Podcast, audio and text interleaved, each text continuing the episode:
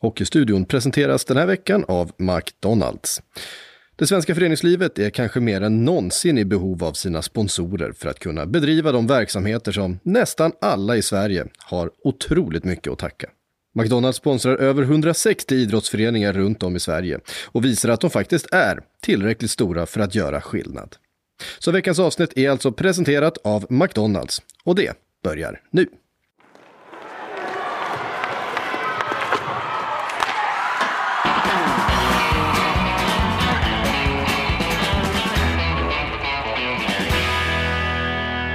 Äntligen måndag hos Hockeystudion och då vet ni vad som väntar och vad ni kan förvänta er. Det blir en ny podd. Även fast världen i stort sett har eh, stannat upp så gör inte vi det utan vi kör på Abris. Absolut Thomas, det gör vi. Vi får väl använda det här som lite egen terapi och förhoppningsvis kanske lite terapi till uh, lyssnarna också. Ja, jag ska vara helt ärlig så upplever jag att jag tycker det här är hemskt. Jag tycker att det här är eh, avskyvärt. Jag förstår att världen måste göra så här men, men eh, det är inte lätt att bli stimulerad varje dag. Vet du om en sak Thomas? Jag tror inte du är ensam om det om jag ska vara helt ärlig. Jag tror väldigt Nej, många upplever det, jag... det likadant så att du behöver inte känna att du är onormal på något sätt. Nej, men vad gör du för... Jag satt och kollade på New York Rangers när de vann eh, Stanley Cup 94 här. En, en lång eh, dokumentär, den var på nästan två timmar. Och då vart jag nöjd efteråt. Och vad har du för smågrejer för det för att, för att få abstinensen att lugna sig?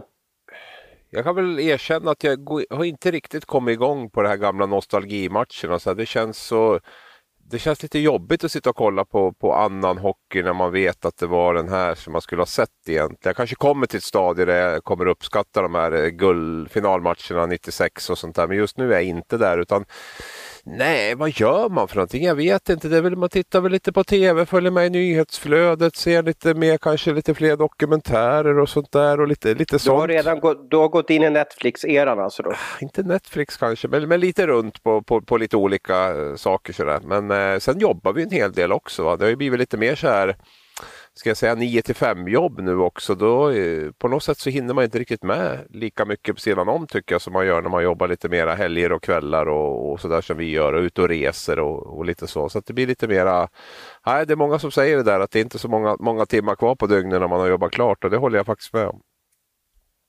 Var är vi inne nu någonstans i uh, slutspels eller, eller hockeyvåren? Jag skulle nog alltså... påstå att det är slutet på kvartarna. Och det var någon som sa att det var match två i kvalmatcherna, det vill säga... Ja, direkt kval har de, de satt igång ja. Ja, så de skulle ha spelats nu också. Så de har börjat satsa, det har börjat hända grejer och det är mm. panik hos något lag, något lag och, och, lite lugnare glädje hos något lag och så vidare. Så det här, det här är nästan bästa tio dagarna på hela året. När vi har fyra kvartar plus två riktigt härliga kvalmatcher. Ja, nej, det, här är, det här är den absoluta piken förutom ja, avgörande SM-finalen och så här går jag ju också stora. Men, men eh, ska man hitta en period under slutspelet när, när det liksom hela Sverige verkligen är med så är det ju, är det ju just nu då normalt sett.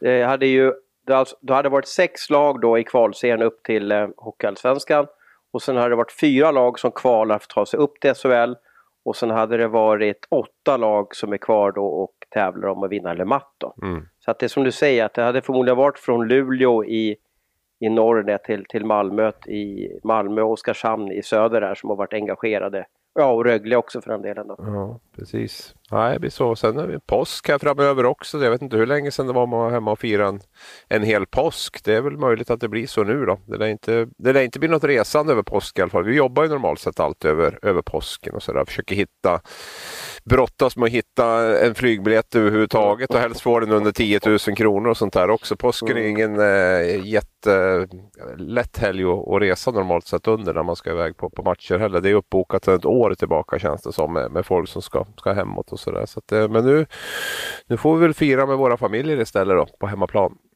Och göra listor, nostalgilistor. Ja, kanske få ta ett litet arbetsavbrott till och med under påskhelgen där och, och, och verkligen hedra högtiden. Men nu när du ringer runt till eh, sportchefer och, och klubbchefer och spelare och hockeyagenter. Händer någonting nu? Eller är det bara som en, är det som en hockey-Armageddon över hela, hela Sverige? Jag upplever att det finns en väldigt stor osäkerhet runt vad som kommer att hända, vilket är fullt förklarligt. Eh, och det gör ju också att man vet inte riktigt hur man ska, ska agera. Sen tror jag också, jag var inne på det där tror jag på tidigare, att det är ganska välfyllt i klubbarna. Eh, det är inte så att det saknas tio spelare. Det är Oskarshamn möjligtvis då, som, som har tunt. I övrigt så är det ganska välfyllt och jag tror att de sitter ganska nöjd med det nu Jag tänker att vi har ganska många men vi har inte för många heller och det är ganska skönt läge nu. Vi kanske får gå tillbaka och spela med, som ekonomin ser ut kanske man får köra med tre femmor eller någonting, börja gå tillbaka till det och, och köra med, med färre, färre utespelare helt enkelt. Eh, så att jag, jag tror också att det påverkar att det dels den här osäkerheten naturligtvis, man har ju ingen aning om vad, vad som kommer att hända med ekonomi och, och sådana saker. Eh, och sen det här också att man sitter ändå inte i sjön truppmässigt utan man har ändå, man får ihop lag. De, alltså jag skulle säga 13 av 14 klubbar får ihop ett, ett, ett lag om de skulle så att släppa pucken imorgon. Man kan ju fylla på med juniorer också ganska, på ett ganska enkelt sätt. Ja, Jo då, så att det, det gör väl också att det, det, inte liksom stressar på. Sen tror jag ju naturligtvis på de här nyckelpositionerna så pågår det naturligtvis arbete. Jag menar, jag tror inte att bröderna Ebbot sitter still och, och, och, är oroliga för vad som ska hända när man, när man har tappat Curran och, och, och Brithén. Liksom. Utan det är klart att man är ute och, och tittar, tittar efter dem ersättare till, till de namnen och hör chaufför och, och sådär. Och sen, ja, jag vet inte, du har väl kanske mer info där än jag, men vad jag förstått det som så, så är det väl lite upp till klubben klubbarna själva om de vill, vill bryta det här eh, dödläget som är nu med. Det finns ju inget att det måste vara ett kollektivt beslut att nu får vi börja värva spelare igen, men det där vet du kanske lite bättre. Ja, men lite så, för jag höll ju på med den där grejen här för någon vecka sedan och, och, och då var det så noggrant att det var de 14 klubbarna som eh, jag har gjort ett gentleman agreement eller vad man ska kalla det för. Det var inte så att SHL hade, hade liksom lagt locket på utan det var, det var så noggrant att det var klubbarna som hade tagit beslutet och klubbarna avgjorde om man skulle värva eller inte värva. Jag vet inte om det, hand, om det är, är beroende av något kollektivavtal eller arbetsrätt eller någonting men, men det var ytterst noggrant att klubbarna ägde den här frågan.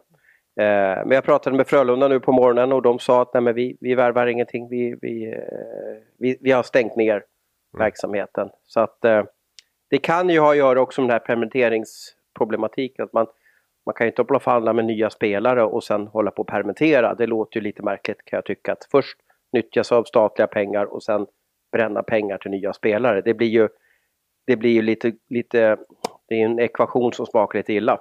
Ja, jo absolut. Nej, och som sagt Frölunda är en av de klubbarna som jag utan problem skulle kunna ställa upp ett, eh, skulle kunna ställa upp fyra femmor och, och spela imorgon om det behövdes. Va? Så det, det, de, de är ju typexempel på en sån klubb. De små justeringar och värvningar ytterligare de ska göra, de, jag tror inte att de känner någon jättepanik över att, att göra dem nu som, som läge, världsläget ser ut. Det är ju inte så att de alla klubbar är superaktiva i hockeyvärlden just nu heller och, och ute och jagar utan det är, det är ju lite status quo rakt över. Så att man, alla, alla är lite i samma situation.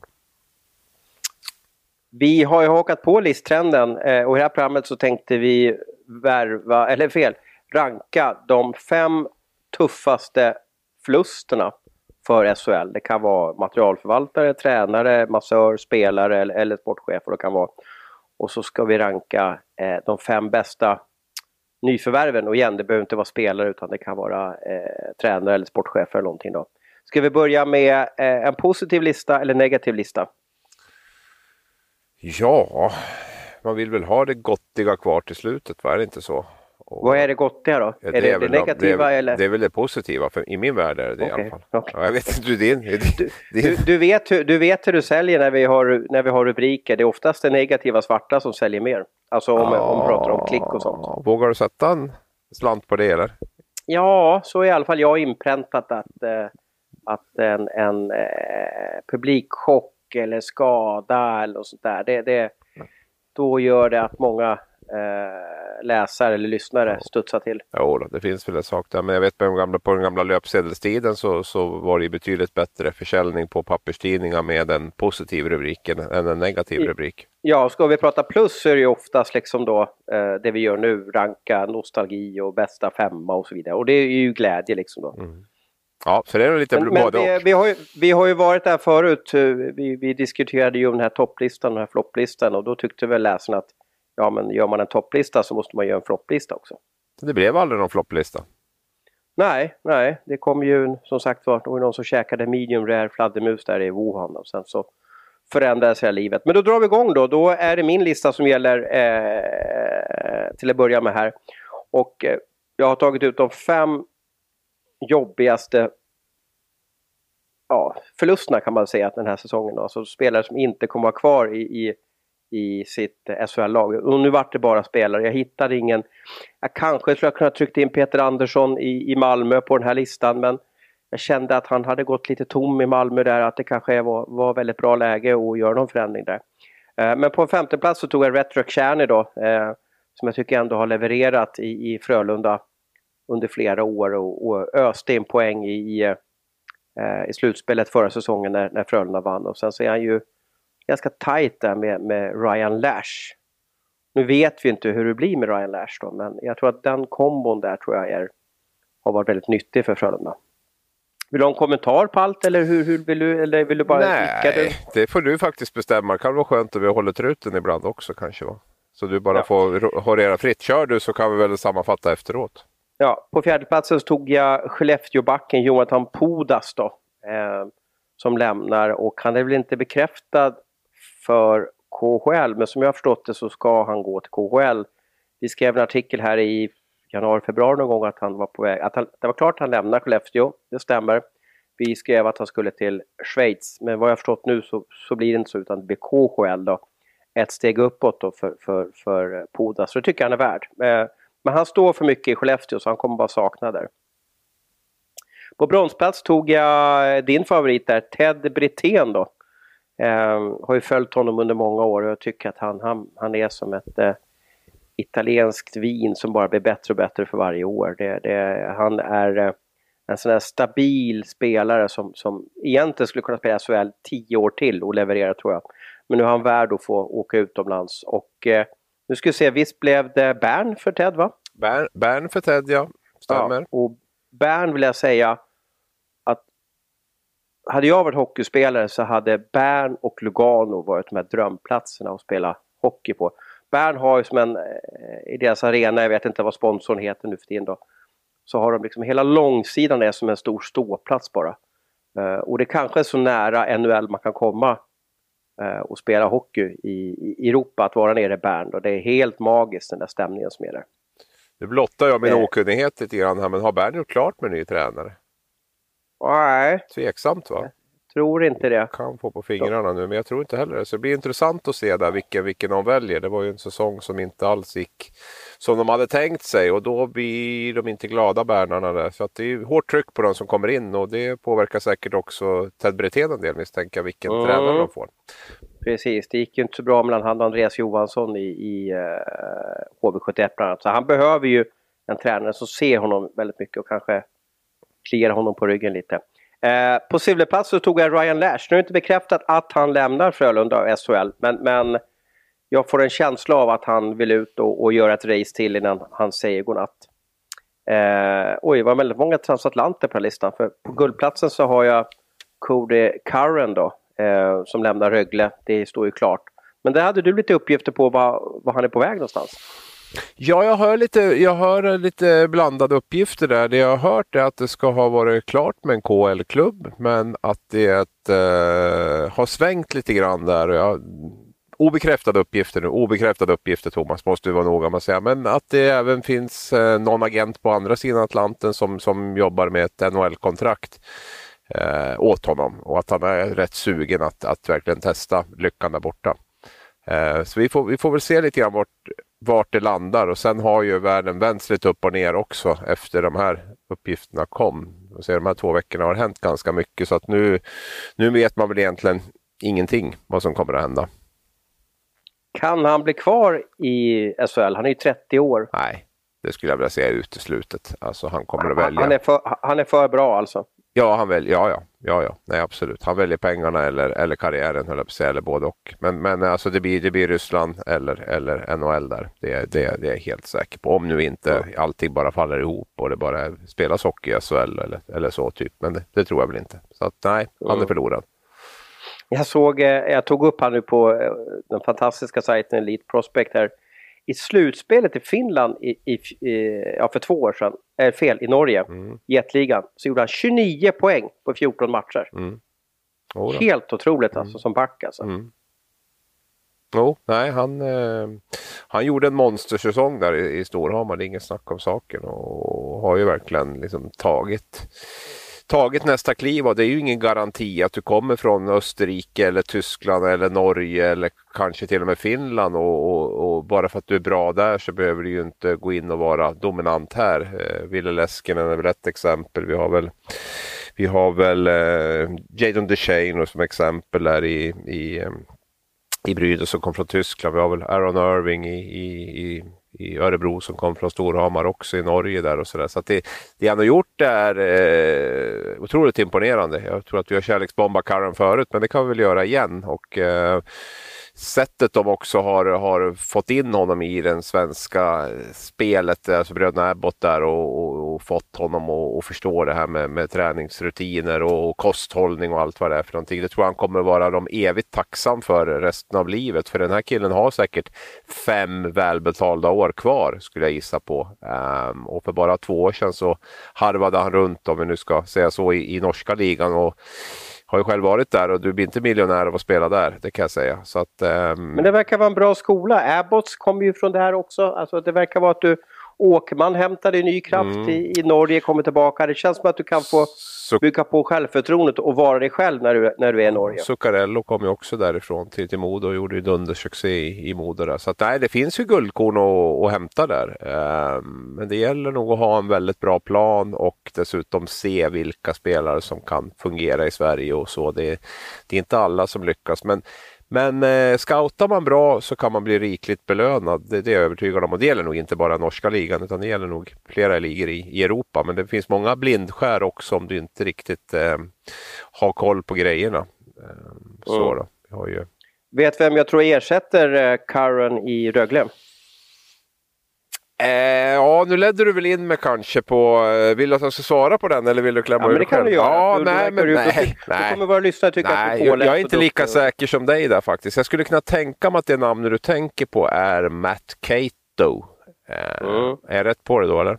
Mm, precis, precis. Ja. Jag vet att Abbots har, har, har legat på honom eh, länge då. Det här är alltså då en mm. eh, kille från Kalifornien, eh, rightare eh, spelskicklig som, som spelade i Gras för eh, en säsong sedan och den förra säsongen spelade i succélaget i liga i Finland och Koko och han rankas som kanske en av de bästa utländska eller importerna i, i Finland den här säsongen. Så att de säger att han har potential att bli ja, en ny Andersson eller vad man ska kalla det för i svensk hockey. Mm en högerfattad Gunnarsson där kanske. Men det, ja, nej, vi har ju haft några finska, eller backar från finska ligan ska vi säga, som har kommit hit och alla, alla har väl inte lyckats, det ska vi väl erkänna. Och det, det är ett lite annat spel här. Men det, det är som du säger, över 40 poäng i Österrike, över 40 poäng i, i Finland nu. Så att det är ju, eh, under rätt förutsättningar så är det ju en back som levererar. Jag tror det är viktigt att han kommer till en klubb där man har en tydlig styrning, en tydlig plan hur man ska använda honom och också tänker lite långsiktigt att de här sakerna behöver man förbättra, det ska vi jobba med och, och så vidare lite grann. Men jag menar, eh, förutsättningar finns ju absolut för att det ska kunna bli, bli bra där. Som jag hörde så är det Rögle, Leksand och Färjestad som visar intresse för honom, men det är ju säkert många klubbar. Gör du 44 poäng som back i, mm. i, i Finland, det är klart att du får många, eller fel, 43 poäng gjorde han. Det är klart att du får många, väldigt många intresseanmälningar på det då. Absolut, och vi var väl inne på det. Leksand var ju väldigt nära. De har ju legat på och legat långt fram i förhandlingarna. Så, men när vi skrev den grejen så var inget var ju klart. Va? Och det är ju tydligt att det är flera klubbar som har jobbat väldigt länge med den här killen. Jag vet inte om Leksand hade koll på att Abbots har följt honom hela säsongen och så vidare. Nej. Man kanske trodde att man var lite, lite mer ensam på banan där kanske ändå. Mm. Vi får se. Jag vet att Kaito inte visste om att man kunde åka ur i den svenska ligan eh, och det kanske gjorde det svårare för Leksand då att kunna värva honom när han förstod att oj då, Leksand kanske inte spelar högsta serien för då, då ligger ju Rögle lite bättre mm. till då i, i den hierarkin då. En spelare vill ju helst spela på så hög nivå som möjligt och så bra lag som möjligt. Eh, och då är det ju tuffare för Leksand. Då. Men nu står det ju klart att man är kvar då. Men vi får se vilket lag som, som vinner honom. Man undrar som en sån där kille då, då som, som ja, kanske skulle få 200 000 i lön nästa säsong då. Vad, vad händer med hans framtid och verklighet? Är det, kommer det bli en halvering? Kommer det bli att man tackar nej till honom och, och trycker upp en junior? Man undrar vad som händer. Ja, någonstans tror jag ändå att han får sina, nu sa jag någonstans, va? någonstans tror jag faktiskt att han kommer att få sina pengar. Sen kanske inte det är lika många klubbar som kan vara med och, och hugga och slåss om, om honom, men, men att eh, blir det bara att, ja vi lär ju förutsätta i alla fall att det blir spel kommande säsong. Om vi säger att det blir spel kommande säsong så, så tror jag ju definitivt att det finns någon klubb som kommer att, att betala dem, den lönenivå han ligger på just nu. Då, liksom. det, det, det är jag övertygad om.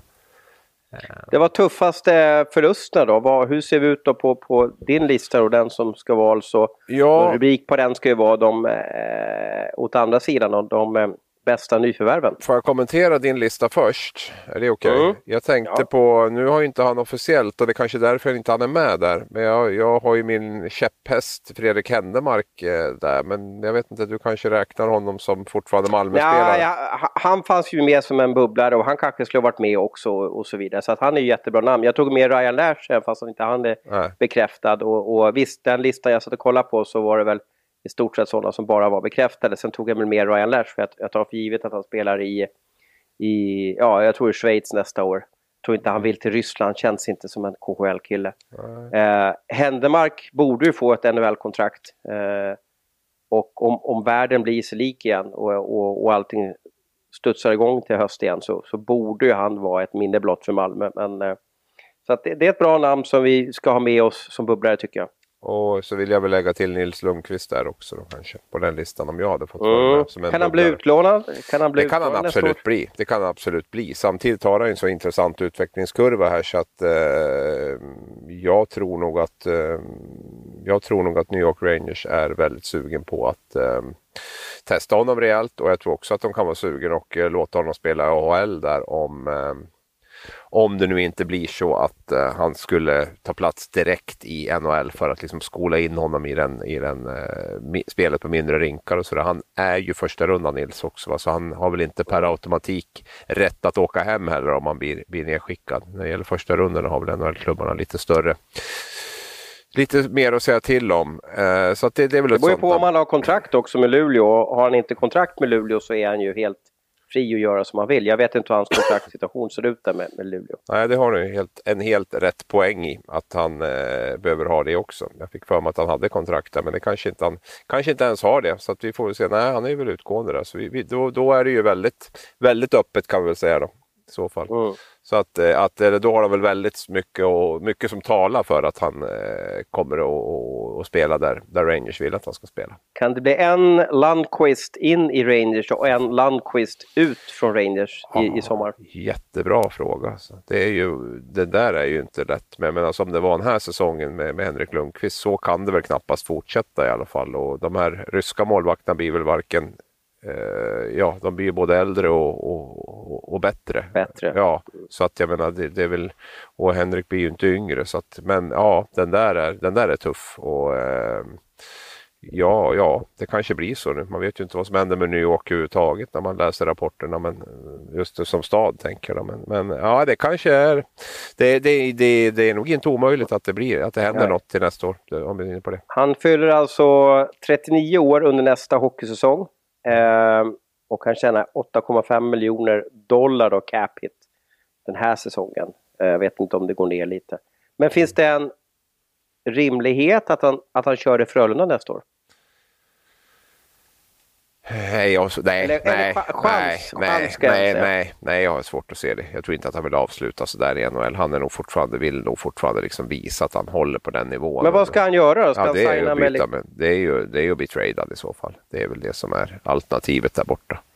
Jag tror han, känns, han... han känns ju så mycket New York. Alltså. Ja, ja, det jo, ju, ja. jo, jo, men det svänger fort också. Jag menar, uh, så att det, det där är ju det där kan ju faktiskt förändras och det har ju förändrats väldigt mycket här på, på eh, bara en, en månad eller, eller vad det kan vara. De sista två månaderna där kändes det som att det hände väldigt mycket liksom med det som tidigare var helt eh, omöjligt, kändes helt omöjligt. Det, det kändes plötsligt inte alls lika omöjligt längre. Och jag, I slutändan är det ändå sport på något sätt. Vad man vill stå och han vill, han vill ju liksom stå och vinna matcher och spela bra. Va? Det, det är ju och, och, när han inte får liksom ett värdigare avsked än, än det de var beredda att ge honom så då, då tror jag att han mycket väl kan överväga att flytta en säsong.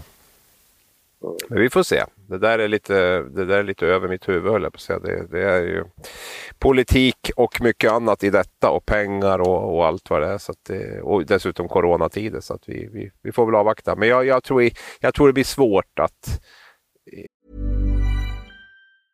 Cool fact a crocodile can't stick out its tongue. Also, you can get health insurance for a month or just under a year in some states. United Healthcare short term insurance plans, underwritten by Golden Rule Insurance Company, offer flexible, budget friendly coverage for you. Learn more at uh1.com. Ja, om nu inte Rangers väljer att göra någonting med sina ryska målvakter då, så att han ändå kan vara en ganska klar backup i alla fall och få stå ibland. Och liksom, då, då, då förändras ju situationen naturligtvis. Då.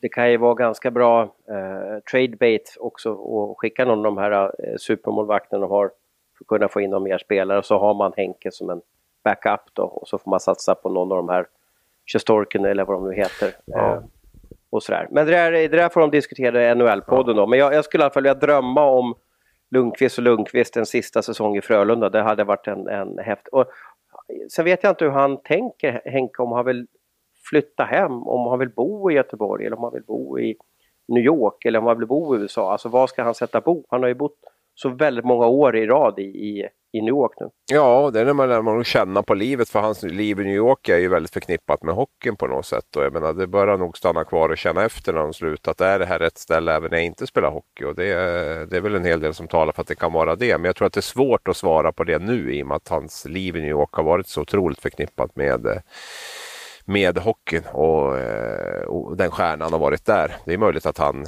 gå vidare i affärsbranschen eller vad det än är och att New York är liksom stället för honom och hans familj då inte minst. Det, det finns ju även flera andra personer i familjen så att eh, där får de nog ta sig en, en liten funderare och det, det troliga är väl kanske att man ger ett år i alla fall kvar där och, och känner efter. Mm, mm. Spännande. Eh, över till din lista då. Nu är jag ja. väldigt nyfiken. Ja, det är jag också. Vi ska väl i ärlighetens namn säga att eh, det har väl inte kommit av olika anledningar inte sprutat in superintressanta eh, nyförvärv så här långt. Det, det, ska vi säga. Men, men eh, det är ingen idé att gråta över det utan vi, vi sätter ihop det vi har och jag tycker att det blev helt okej okay ändå. Eh, på min femte plats då, för jag misstänker att du vill ta den nerifrån. Det blir ju dramaturgiskt mest Precis, spännande. och vi är ju inte dum. Eh, nummer fem, Filip Berglund. Från Skellefteå till Linköping.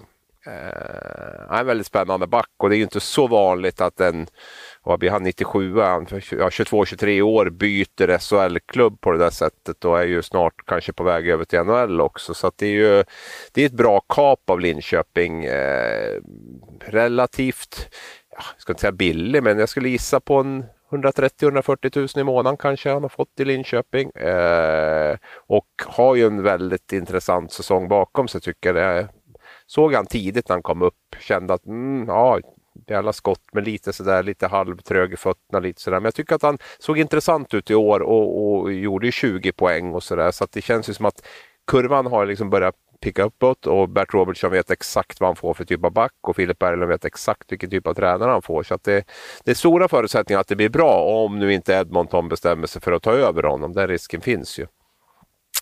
Mm. Så det, det, det är min femma. Eh, jag ska väl säga det innan jag går vidare att hade Mattias Norlinder varit presenterad av Frölunda så hade jag tagit med honom här nu. Nu valde jag bort honom på grund av det kan vi väl säga då. Och att eh, jag hade fem ganska bra kandidater ändå. Då. Men Mattias Norlinder tycker jag också är superspännande. Eh, så. Nummer fyra eh, måste ändå bli Jan Mursak eh, till, till Frölunda. Han, gjorde ju, han svepte in som en stormvind där, Slovenen, när han kom till, till Göteborg för några år sedan där. och, och eh, lämnade väl alldeles för fort tyckte, tyckte Frölunda-fansen där. De ville väl sett mer av honom. Nu, nu kommer han tillbaka. Han är fortfarande inte supergammal, 32 år. Eh, väldigt spelskicklig högerskytt också som, som, eh, som jag tror kan, kan ta över en del av, av Ryan Lash eh, produktion då. och även spelar powerplay. Har väl gjort okej okay med poäng i, ja, om man är snäll har man gjort okej. Okay. Han, har inte spelat, han har inte spelat hela säsongen heller i Schweiz där och, och Bern har ju varit ett lag som har haft det lite tufft eh, under de senaste åren. Gjorde bra med poäng i, i slutspelet förra året i alla fall och så. Så att eh, nej, men jag tror att han kan bli bra i, i Frölunda. Han känner klubben, han känner till ligan också, har spelat här för bara ett par år sedan. Så det, det, det, det, tror jag blir bra. Det är en klassspelare. Som får han bara vara hel så blir det, blir det toppen. Um, nummer tre, där har vi Luganos supersvensk Linus Klasen från Lugano då till Luleå. Eh, och eh, ja, ett tufft val tycker jag. Haft bra år där nere. eh, I Lugano tjänat bra med pengar, varit, eh, levt ett bra liv tror jag i en jättefin stad och sådär. Väljer att flytta hem och väljer Luleå. Och, eh, då vet man att då får man röra på benen om man ska spela i Luleå, även om man heter Linus Klasen. Så att jag tycker att det är eh, jätteroligt att han eh, liksom tar den utmaningen. Han hade kunnat valt en mycket bekvämare väg. Jag tror han har fått både bättre betalt och lite lugnare vardag i, i andra klubbar. Men eh, väljer då att ta det här steget upp till Thomas Berglund och den hockey de spelar. Jag tror att det lockar honom mycket att, att vinna någonting. Eh, vinna ett SM-guld. Och att det eh, är värt då liksom den här eh, lite tuffare träningen och eh, backcheckingen och, och, allt vad det innebär att spela där. Så att, jag ser fram emot honom och jag tror också att det finns väl många som, som tror att han är lite halvtrött och, och slut och, och, kommer hem nu och jag tror att det är någonting som triggar. Han har ju slagit lite underläge egentligen hela sitt liv Linus. Han har ju varit för liten och liksom inte eh, alls från början egentligen. Så han har ju alltid fått bevisa saker och ting känns det som. Och jag tror att han är, det har varit något som har drivit honom också. Jag tror att det är en stor drivkraft även den här gången. Att, eh, att visa folk att jag kommer inte hem bara för att, för att spela av mina sista år i karriären utan jag, jag kommer hem hit för att, för att köra hårt och, och, och vinna något. Så häftigt! Jättebra, mm. kul. Eh, nu undrar du vilka som kan slå Klasen här och jag faktiskt, det är så tråkigt så att det är två tränarnamn som avslutar min lista. Jag har varit inne på det tidigare, för mig har SHL växt ut mer och mer till en tränarliga eh, där man, det gäller att få ut maximalt av materialet snarare kanske än att vi får de här superstjärnorna som, som, som, som leder lagen. Så det, det är, som nummer två har jag Stefan Nyman en assisterande tränare till och med har jag. Eh, nu har inte HV presenterat honom än. Eh, men våra uppgifter säger ju att det är klart och jag bedömer det som klart och att Niklas Ram då ska bli huvudtränare och Stefan Nyman assisterande. Eh, och jag tycker att det är en toppenbra värvning av, av HV71. Jag, jag har liksom varit kritisk tidigare. Jag tycker det har varit lite för mjukt, lite för mysigt, lite för, lite för så. Med Ram och Nyman får man en annan ledarstil, man får en annan kravbild. Jag tror inte man kommer att betala samma kontrakts, alltså samma pengar i kontrakt som man gjort tidigare. Man kommer att jobba mer med det man har och ställa lite högre krav. Och vill du komma till HV så ska du göra det för att bli, bli bättre. Va? Och det, det har jag efterlyst och eh, här har man ju en kille som som vet vad han håller på med, som är beredd att jobba väldigt hårt och som inte behöver ta speciellt stor plats eller inte har något behov av att synas och höras och, och så, utan jobbar i det tysta, otroligt populär bland sina backar. Jag tror säkert det finns ett tiotal backar i, som skulle vilja komma dit och spela, spela under Nyman om, om han inte var under kontrakt. För jag vet att han, han skyddar sina backar stenhårt, han är tuff med dem och att de ska leverera, men när de gör det så skyddar han dem mot allt. Kommer en forwardtränare och gnäller på att backarna slår upp spelen fel, så då, då skickar han tillbaks dem med, med en salva bara rätt tillbaka. Så att, eh, han är väldigt populär så och eh, duktig. Så att det här tror jag är en vaket av Hult och, och, och Davidsson att, att hugga honom där. Det var ju nära som jag förstod det med Brynäs där men, men när det drog ut lite på tiden så var HV där och eh, erbjöd något som lockade. Sen blir jag lite mm. förvånad att att han inte är tillbaka i Djurgården, det måste jag säga. Jag, jag, han har själv sagt att han har gjort uppdraget slutfört. Vi gick, gick från allsvenskan till SM-final. Jag känner att de har jobbat klart där. Men ja, jag vet inte. Det är något där kan som... det vara en lönefråga också. Valt, kan det vara. Alltså, värvad till Lugano, kommer hem, är, är ledig på marknaden. Du kan välja och, och vraka lite. Jönköping är inte fy skam att bo i och det är en klubb som eh, alla fall rent historiskt andas framgång och det är en väldigt välskött förening. Absolut, du har en jättepoäng där och eh, jag tror också i och med att Niklas Ram nu går upp som huvudtränare, han är inte dyraste huvudtränaren i SHL om man säger så, då har man också råd att lägga mer på den assisterande där och eh, Djurgården har ju Bemström under kontrakt enligt Joakim Eriksson och eh, Mikael Håkansson och Robert Olsson har ju definitivt kontrakt så att de, de har ju en ledarstab som är full. Då, så att det, det är väl så. Uh, ja, vi går väl vidare här så att inte vi fastnar helt i det här. Nummer ett på min lista då blir faktiskt Peter Andersson till, till Brynäs. Och, uh... Tycker att den övergången är så märklig. Eller alltså att han bryter två år med Malmö mm. och så går till ett lag som är ungefär lika bra. Mm. Uh, och den här säsongen sämre om man ser till SHL-tabellen. Mm. Men det måste ju ha skurit sig där nere, eller? Ja, jag tror nog att det har skurit sig där nere ganska rejält. Eh, och man kände att det här var ingenting att gå vidare med. Jag utesluter absolut inte heller att han hade andra tankar än Brynäs när han sa upp kontraktet. Eh, det gick ju väldigt mycket liksom, uppgifter om att man säger inte upp ett tvåårskontrakt om man inte har någonting klart redan. För det handlar om rätt mycket pengar. Liksom. Om vi räknar 130 000 eller vad man kan ha haft i Malmö gånger 24 så är det, är det bra med pengar.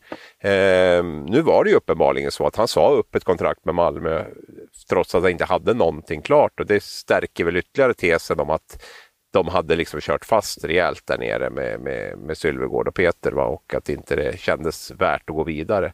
Jag tror att han gärna hade tagit något i Schweiz. Det är, vad, det var jag tror. Jag tror kanske att det inte dök upp någonting där och sen hörde Brynäs av sig och låg nog på hårt. Erbjöd säkert ganska bra betalt också kan jag tänka mig i och med att det var det namnet de verkligen ville ha och ja, det slutade så. Det är väl eh, jag eh, hoppas ju verkligen att han, eller hoppas, alltså för Brynäs skull så hoppas jag verkligen att han har lågan och kraften att liksom brinna och köra ett Malmö-race till. För det är ju det och lite till som behövs i Brynäs för att, för att göra ordning på det här. Så att det, det är det som talar emot om man, om man liksom orkar göra det här igen. Och det var väl det som jag trodde kanske talade emot att han skulle ta jobbet från första stund. Just att krama ur trasan ytterligare en gång. Men för Brynäs då så tror jag att det är en, en, en ja, som tränarmarknaden ser ut i den position man befinner sig i, vad som har visat sig vara lyckat i Brynäs, eh, så är ju det här ja, så nära jackpot man kan komma tycker jag. Och eh, det gör ju också att jag tror att det här kan vara den personen som ändå kan göra, tillsammans med Nyman, som kommer att göra störst skillnad i de klubbar de är i. Och därför hamnar de också ett av tvåa på min lista. Men det är inte många som har lyckats i Brynäs sista, sista åren förutom Bulan. Nej, det är just han. Och jag ska inte säga att något sitter i väggarna och så, men jag skulle vilja påstå ändå att jag kan ju vara kritisk till mycket av Brynäs, men det finns en spelskicklighet där ändå eh, på något sätt. Och det finns ett powerplay som ofta är bland de bästa i ligan man hittar. Så, så, och, så det, och när man får den här boosten i form av ett rejält tydlig kravbild, bra struktur, träna bra, då, då lyfter också en, en, en dimension. Då har det möjligheter att lyfta som det gjorde under, under eh, Thomas Berglund. Sen är det jättefarligt att tro att ja, men nu kommer det en som är som Bulan och nu kommer det bli lika bra. Och bla bla. Det, det är ju inte alls givet, men jag tror att han kommer i alla fall att stabilisera upp det så att det inte ser ut som det har gjort de, de senaste åren. Där. Och Peter är ju en erkänt duktig tränare och det blir intressant också att se om han kommer att släppa lite på den här Malmö-disciplinen eller om det blir och försöka få lite mer spel i det här laget kanske än, än det Malmö hade. Eller om han kommer, han sa ju det själv till mig i en intervju att han, han tror att han kommer att agera annorlunda i Brynäs kontra Malmö när det gäller kravbild och det menar han väl också hängde ihop med att det finns lite mera skills på något sätt i, i, i Brynäs då, och där, där kan man kanske, måste vi inte vara lika, lika disciplinerade defensivt för att vinna matcher. Då. Men, men ja, det blir en balansgång för honom och hur, hur mycket eventuellt han kan, kan släppa på det. Jag tror att det finns ett hunger och ett brinn också när man, när man bryter sådär med ett lag. Jag, jag tror att man vill visa att, ja men vänta nu, jag är inte slut. Jag tror den hungern är ganska stor. Ja, jo nej och det så han har ju varit i fyra år det blev i Malmö tror jag. Ja det var fyra år där och ehm, och ja, det finns kanske inte så mycket mer pengar. Det, det, kommer inte in så mycket mer pengar. Det blir tvillingarna Westerholm in. Det, det, det, det blir Marcus Lauritsen som toppback. Lite så vad man känner att ja, Händemark försvinner. Mm, det, det, det kanske inte går att lyckas så mycket bättre. Vi ska komma ihåg det också. Han hade ju två semifinaler de två första åren. Det är ju imponerande. Slog ut Växjö och, och Frölunda, respektive Frölunda. Så att det är ju, det hade nog varken du eller jag tippat inför de säsongerna att Malmö skulle vara topp fyra i, i Sverige. Va? Så att de har ju fått ut väldigt mycket av det där laget. Nu är inte han själv om det här utan det är ju, det är ju flera som har varit med och bidragit. Och stundtals har han haft ett ganska, ganska okej lag också. Så, där. så att, eh, men jag, jag, jag, tror det, att jag kände att pilen pekat neråt och nu tror jag att han känner den. Det blir lite nytändning det här och det kan ju egentligen bara bli bättre i Gävle om vi säger så. Det är ju, han är ju ett tacksamt utgångsläge så sätt. Samtidigt som det negativa är att det finns ju, finns ju väldigt mycket att, att rätta till och det kommer att ta, det kommer att ta ett tag. Men, men äh, tre år med Peter Andersson där, det tyckte jag var en, en, en värvning som stack ut faktiskt. Mm. Det var ju, jag tänker ju på när de bytte tränare, inte förra gången men det är väl två gånger sedan när, de, när, de, när Bulan flyttade hem till Luleå och så, plock, och så vann Brynäs. Brynäs var bara ja, millimeter från deras, vid Näsmö Man kom ju tvåa efter HV71 mm. det året. Och sen så in med Roger Melin och tänk dig det läget som Roger hade jämfört med Peter nu. Det är ju mm. som dag och natt. Ja, ja nej, absolut. Och det är som sagt också, vi behöver inte gå in på det mer, men det är ju just det här att man man känner att man har en formel som fungerar med, med, med en ledarstil som fungerar och sen bara går man rakt emot det och väljer något helt annat. Det kan jag tycka är ja, snudd på, på tjänstefel att göra på det sättet. Att man, ändå, man har ändå fått in, när man, hade, man hade ju famlat en hel del även innan Thomas Berglund kom in och Tommy Jonsson fick sparken och allt det här. Och, och så, så att man, när man äntligen hade hittat något som fungerade så skulle man väl i alla fall ambitionen vara att hitta något som var så likt som möjligt. Men jag vet att jag pratade med Stefan Bengtzén om det här och han, hans grej var ju att han trodde eller tyckte att spelargruppen i sig var så stark så att det, det behövdes ingen diktator, eller diktatorisk, säga, men bestämd ledare utan gruppen skulle driva det här själv. Och det funkar inte riktigt så längre. Det, det, det kan man glömma faktiskt. Det kanske funkade under Jörgen Jönsson och Davidsson-eran och kanske Brynäs och Leksand på 70-talet men idag är det inte så utan du måste ha en ledare som, som driver det här. Mm. Spännande, vi får se hur det går med, med Eh, vi ser hur det går med tränarna och Brynäs och, och, och HV71. Eh, det är ganska magert med nyförvärv hittills, men det är ju för att SHL avslutades ju abrupt och sen kom det här köpstoppet. Så det finns ju många spelare som inte har liksom kommit in, som är på marknaden och, och kan, kan komma till SHL ännu. Så vi får väl hoppas, om vi gör om den här listan om tre månader, mm. att vi har lite mer raketer på den. Ja men absolut, det kommer vi säkert, kommer vi säkert att ha. Färjestad kommer att, att peta in ett par namn där, Rögle kommer att peta in ett par namn och, och sådär. Örebro säkert också. Så det kommer, det kommer, att, kommer säkert att, att dyka upp en hel del intressanta namn. Det brukar det ju, det brukar det ju faktiskt göra. Dessvärre så tappar vi ju också rätt många. Eh, jag vill inte säga att jag saknar ett namn, men jag vill säga liksom en spelare som, jag, som vore rätt roligt om han fick lyckas. Eh, det är en spelare som har varit i SHL tidigare och nu den gångna säsongen var i Modo och gjorde helt sjuka 50 poäng då, eller fel, 29 plus 50, alltså 79 poäng.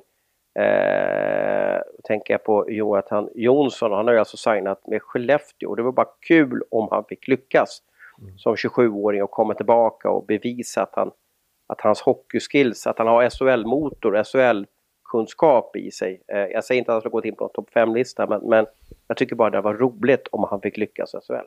Ja, nej, och det är ju ett jättebra namn som du tar upp. Alltså det, det är ju möjligt att jag får jättebakläxa på den här listan när, jag, när, jag, när vi summerar efter, eh, om ett år. Va? För att det här är ju en spelare som jag tycker också, jag var inne på det med Linus Klasen, att man väljer en miljö där det är ganska tufft och det tycker jag också talar för att det här kommer att bli lyckat. För jag får, får Stefan Thomsson, Skellefteås beryktade fystränare, liksom ta tag i Jonsson här nu, får, liksom, får jobba med hans fys så är det ju precis, det är ju precis de egenskaperna som behöver bli bättre. Va? För jag tycker att han, han har ju väldigt mycket spel i sig. Sen måste han ju bli lite explosivare, lite uthålligare, lite starkare och, för att kunna göra det ofta i, i SHL, vara bra ofta i SHL. Så att där har de att jobba med och det är möjligt att det går över en sommar. Det är möjligt att det tar den här säsongen som kom, hela den säsongen som kommer. Jag vet inte, men, men det är ju en Ja, jag tycker det är en värvning som sticker ut lite grann och som jag tycker man har eh, en smart värvning. För får man ordning på honom kan man ju, alltså man kan ju ha en första center där för en, för en ganska billig peng om det skulle funka fullt ut.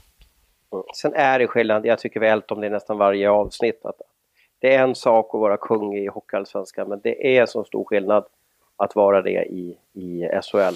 Ja. Sen, hade de, sen hade de ju en enhet som funkade väldigt bra också i Modo och det gör ju att han kommer in och får, får vara i samma enhet eller får vara en framgångsrik enhet i Skellefteå. Får han inte det så, ja, eh, jag tar väl upp det till varje gång. Zetterberg som gick till, till Brynäs där, eh, han fick ju aldrig riktigt chansen eh, att vara sig själv, stå och direktskjuta eh, och så vidare. Och får, får man inte en spelare att kunna, ja vi vill ta dig på det här för att du kan göra det här. Ger man inte honom den möjligheten i SHL, ja men då ska man inte värva den spelaren. Nej absolut och det var väl så, jag ska inte säga att jag var dålig på något sätt i de här två matcherna vi hann se Björklöven-Modo men det var väl inte så, så att det lyste om honom där och det hade varit nej, intressant nej. att se honom i ett SHL-kval också, vilken typ av spelare han är i den typen av matcher. Va? Men, men eh, intressant värvning i alla fall och eh, får de jobba med honom. Och där tror jag också att man ska ha lite tålamod och inte tro liksom att det bara exploderar direkt utan där, där, eh, där får de nog kanske jobba, jobba ett tag och, och, och, se att det kan, kan bli bra. Sen är det upp till honom också om han bestämmer sig att han vill bli en toppspelare så, så, så tror jag att han kan bli det i, i SHL. Mm, mm. Ja men bra lista. Eh, vi börjar närma oss 50 minuter och när vi hade förmöte inför den här podden så så halkade vi in lite på Johan Dahlén och tyckte vi skulle prata om honom lite, vad, vad han är på väg, vad som sker och sådär. Eh, om du vore Johan Dahlén eller om du vore hans agent, han har väl Claes Elefalk som agent nu, eh, hur har du rått Jonathan att göra nu framöver? Eh, ja, först hade jag suttit ner med honom ganska länge och pratat med honom och känt hur han, hur han känner runt allting. Det är det som kanske är vår nackdel i det här, att vi, vi vet inte allt runt omkring. Men om vi liksom utgår från att det är någorlunda normalt och att han tycker det har varit bra den här säsongen och så jag skulle nog råda honom, och han inte är jättesugen på att åka över, jag skulle nog råda honom att, att ta steget via, via SHL nu, att, att spela i en, i en eh, SHL-klubb och visa att han klarar av det spelet också för att eh, det är nästa steg på, på, på trappan där tycker jag ändå för, för honom och det är väldigt stor skillnad på, på bara på SHL och, och NHL. Va? Ännu större mellan Hockeyallsvenskan och NHL. Så att jag tycker nog att han inte alls behöver vara någon nackdel för honom att, att eh, spela ett, ett år till i Sverige och då göra det i, i SHL. Jag vet ju att planen från eh, San Jose Sharks då, som bytte till sig rättigheterna, eller som bytte till sig kontraktet ska jag säga också med Jonathan. Han har, han har ju treårskontrakt med NHL som, och det går ut nu efter den här säsongen. Och det var ju San Jose som var hans sista klubb då eh, i Nordamerika. De hade ju tänkt på att ta över honom redan efter den här säsongen. Alltså att försöka få honom att spela någon match. Det beror ju på, mm. på, på när slutade Timrå-säsongen. Var det eh, när NHLs grundserie fortfarande pågick eller när det var Men min, deras tanke var att få över honom, ta det lugnt, ta det mysigt och låta han få känna på Sharks-miljön i alla fall då, i något mm. sammanhang. Sen kanske det hade blivit i kanske någon, någon farmarlags eh, slutspel eller någonting också. Men, men det var deras tanke att liksom lite sukta honom. Men så kommer ju det här då, eh, mm. nya världsbilden, så att då blev det ju inte så då. Och nu ska man vara helt ärlig att kontraktet går ut också med Nordamerika så att han är ju helt fri i höst. Han kan ju vill inte han, vill inte han tillhöra någon, eh, har någon överrock i Nordamerika så behöver han inte signera där borta. Nu ska vi, nej, samtidigt ska vi väl inte säga för mycket utan att ha koll. Men rättigheterna skulle jag kunna tänka mig att de behåller något år de till. De sitter kanske. fast ja, ja men ja. Han, han, behöver ju inte lyssna nej. på Den här säsongen nej. Har det ju varit Sharks mm. som nästan har bestämt det här mm. tycker vi är bra för dig. Mm. Nästa år kan han bara lyssna på sig själv och sin pappa och, och, och kanske Elefalk. Mm. Ja, det, det har du helt rätt i. Så att, um, det Vilken är SHL-klubb tycker du skulle kunna ta hand om Jonathan då? För det är ju en, mjuk, fin kille. Ja. Uh, men, men som har haft lite, lite tuffa år och lite tilltufsad kan man kalla det för. Jag, jag, känner spontant så tycker jag kanske att det är två klubbar som, som sticker ut lite grann och det är ju Färjestad och Rögle. Någon av dem skulle jag rekommendera. Det har blivit dina favoritklubbar känner jag. Ja, är det så? Ja, kanske delvis. Jag ja, Rögle säga att jag, har du Rögle har jag kärleksbomba. Färjestad tycker jag har ett väldigt offensivt bra spel. Jag tycker de utvecklar många offensivt duktiga spelare. Sen har jag väl vissa tveksamheter till om de har det som krävs för att gå hela vägen. Eh, men just det här med att eh, få låta verkligen spelare spela offensivt. Eh, det är en sak att säga det och en sak att, att göra det. det. Det där tycker jag att de har varit, varit duktiga faktiskt. Sen, sen kan Frölunda också vara en bra miljö. Nu tror jag att det kan vara lite speciellt där med, med ja, jag vet inte, varför fick vi lämna det som som tränare och, och, lite sånt. Va? Så att hans pappa. Så att det, det är väl lite så. Men, men Färjestad och Rögle skulle jag väl kunna tänka mig. Frölunda kan också vara en, vara en bra klubb tror jag för honom. Jag ska inte säga att det finns väl har väldigt många unga spelare Frölunda att ta hand om redan. Ja, så redan. Det... Så det är ganska fullt där också. Jag ska inte säga att det finns, det finns andra också som, som Skellefteå och Luleå exempelvis. Där. Men, men, eh, men ska jag säga något så Färjestad och Rögle är de som, som jag spontant skulle kolla med först. Mm. Han är ju väldigt tajt med sitt paddelgäng och, och, och mm. Eh, travgäng och så vidare i Sundsvall. Så jag tror att han skulle uppskatta kanske ha någon geografisk närhet kanske till, till Sundsvall. Men, ja, det har ju varit diskussioner med Gävle tidigare med Brynäs vet jag att det var då när han var, när han var hemma förra gången där och så. Så det kan ju vara ett alternativ. Men, men, men alltså det, och sen måste han bestämma själv vad han vill göra. Han kanske tycker att det är bättre att vara hemma och spela paddel och köra allsvenskan och må bra och, och kanske har flickvän som bor där och, och så. Att det, det är viktigt liksom. Och då ska han göra det istället. För att det, är ju, det handlar ju om hans eh, mående. Jag menar, det, det är ju få spelare som spelar bra om de inte trivs med, med allt runt omkring. Så att det, det får han ju helt bestämma. Men om, om han nu känner att SHL är nästa steg och, och, och man gör det så då tycker jag att de klubbarna är, är intressanta. Och jag lider ju med honom också. Han hade ju, jag såg ju den här matchen. De fick ju spela en match i den här slutspelsserien. Det var Timrå mot eh, Karlskoga. Eh, Timrå krossade Karlskoga.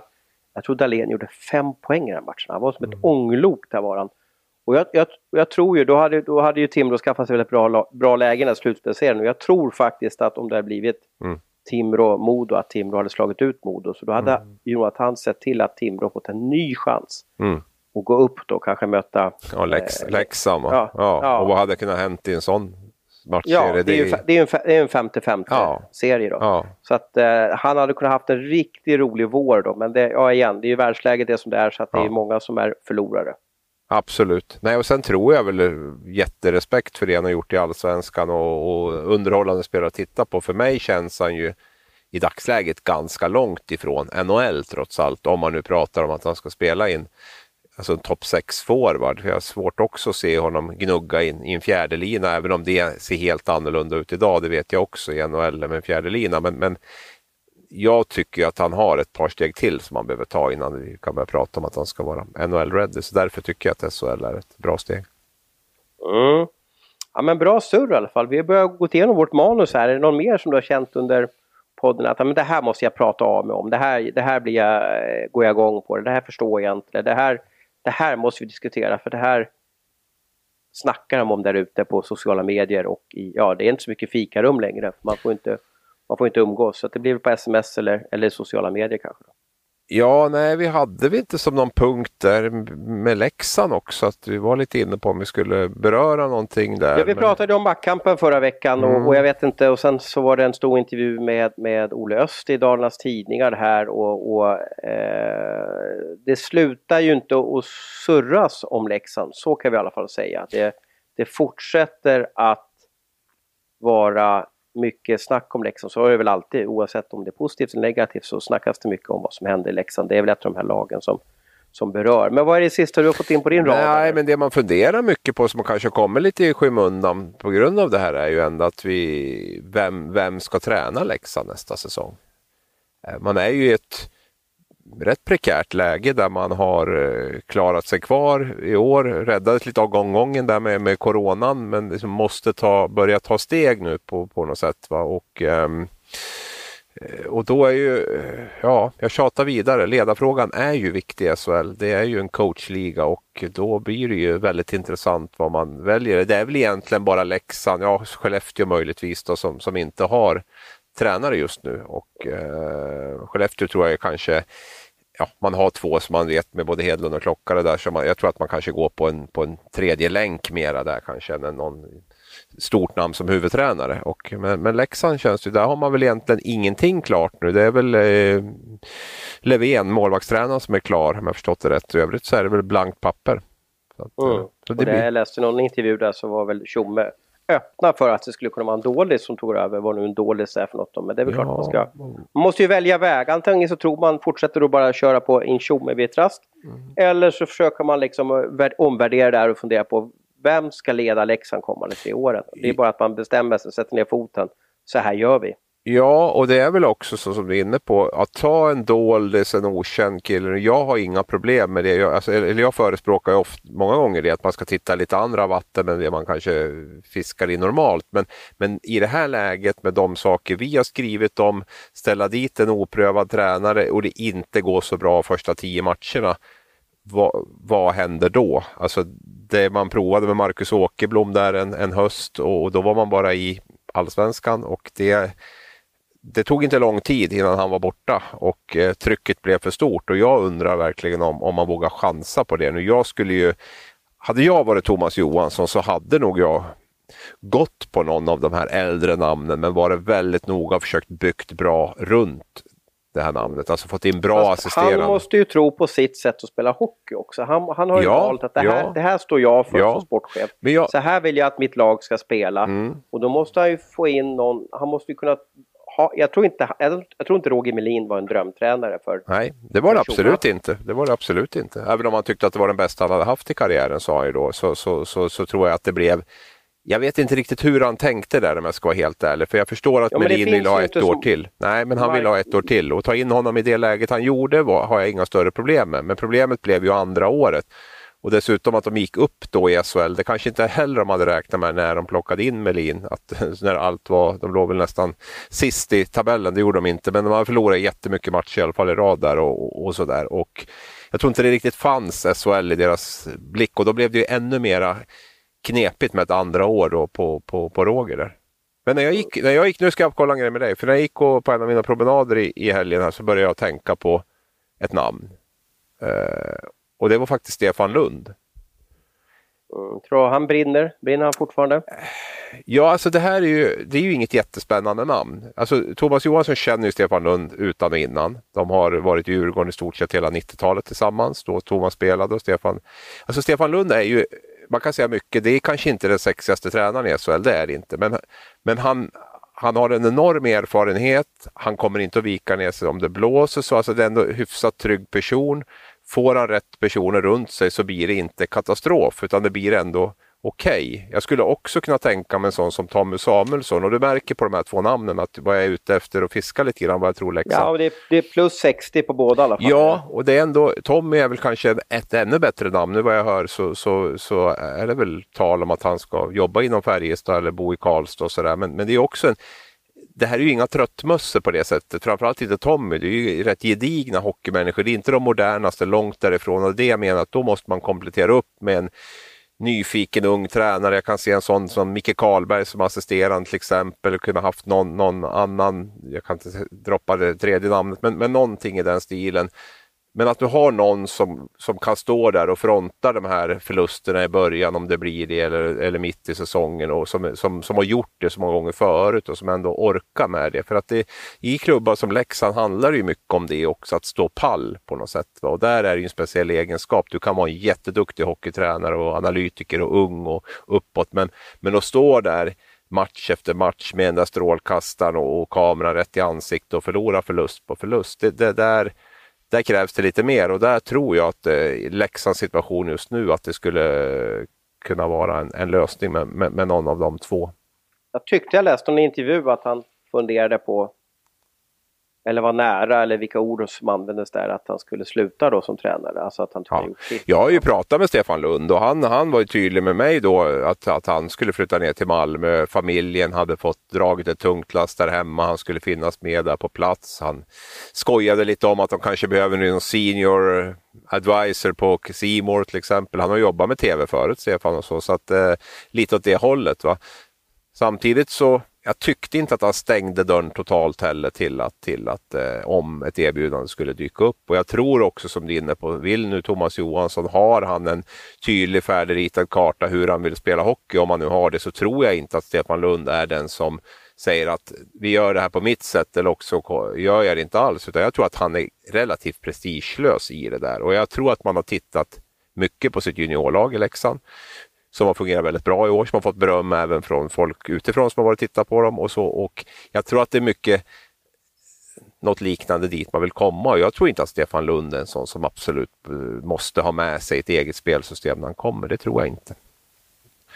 jag känner inte honom riktigt men det är också speciellt. Du har, då kanske man får, han får anpassa sig och bo i en campingstuga. Det är mycket natur och så vidare. Så gillar man det så kanske det är eh, en fördel också då. Eh, det är ju speciellt att vara 60 år och, och starta om lite. Ja. Eh, vi får se. Ja, vi får det är ett spännande namn i alla fall som du... Som ja, jag vill även inte, absolut inte glömma Tommy Samuelsson där om han nu är intresserad av att av, av, och, eh, fortsätta träna. Det är i alla fall oh, Jag skulle vilja se någon sån där 27-åring från mm. Hockeyettan som har gjort succé så vi får lite nya namn. Jag är så trött när de går runt de här eh, dinosaurierna. Men jag kanske... håller helt med och jag är lite förvånad själv att jag sitter och liksom lyfter fram det här och nu. Men, men, Snart börjar du väl liksom namedroppa Dan Hober och Gunnar ja, Leidborg ja, också. Men jag tycker ändå att de två vi nämner har ändå visat att de är de är inte fem plus kanske så, men, men alltså, det Tommy var med och hjälpte till med Skellefteå i år till var väl två poäng från en andra plats där med det laget de hade.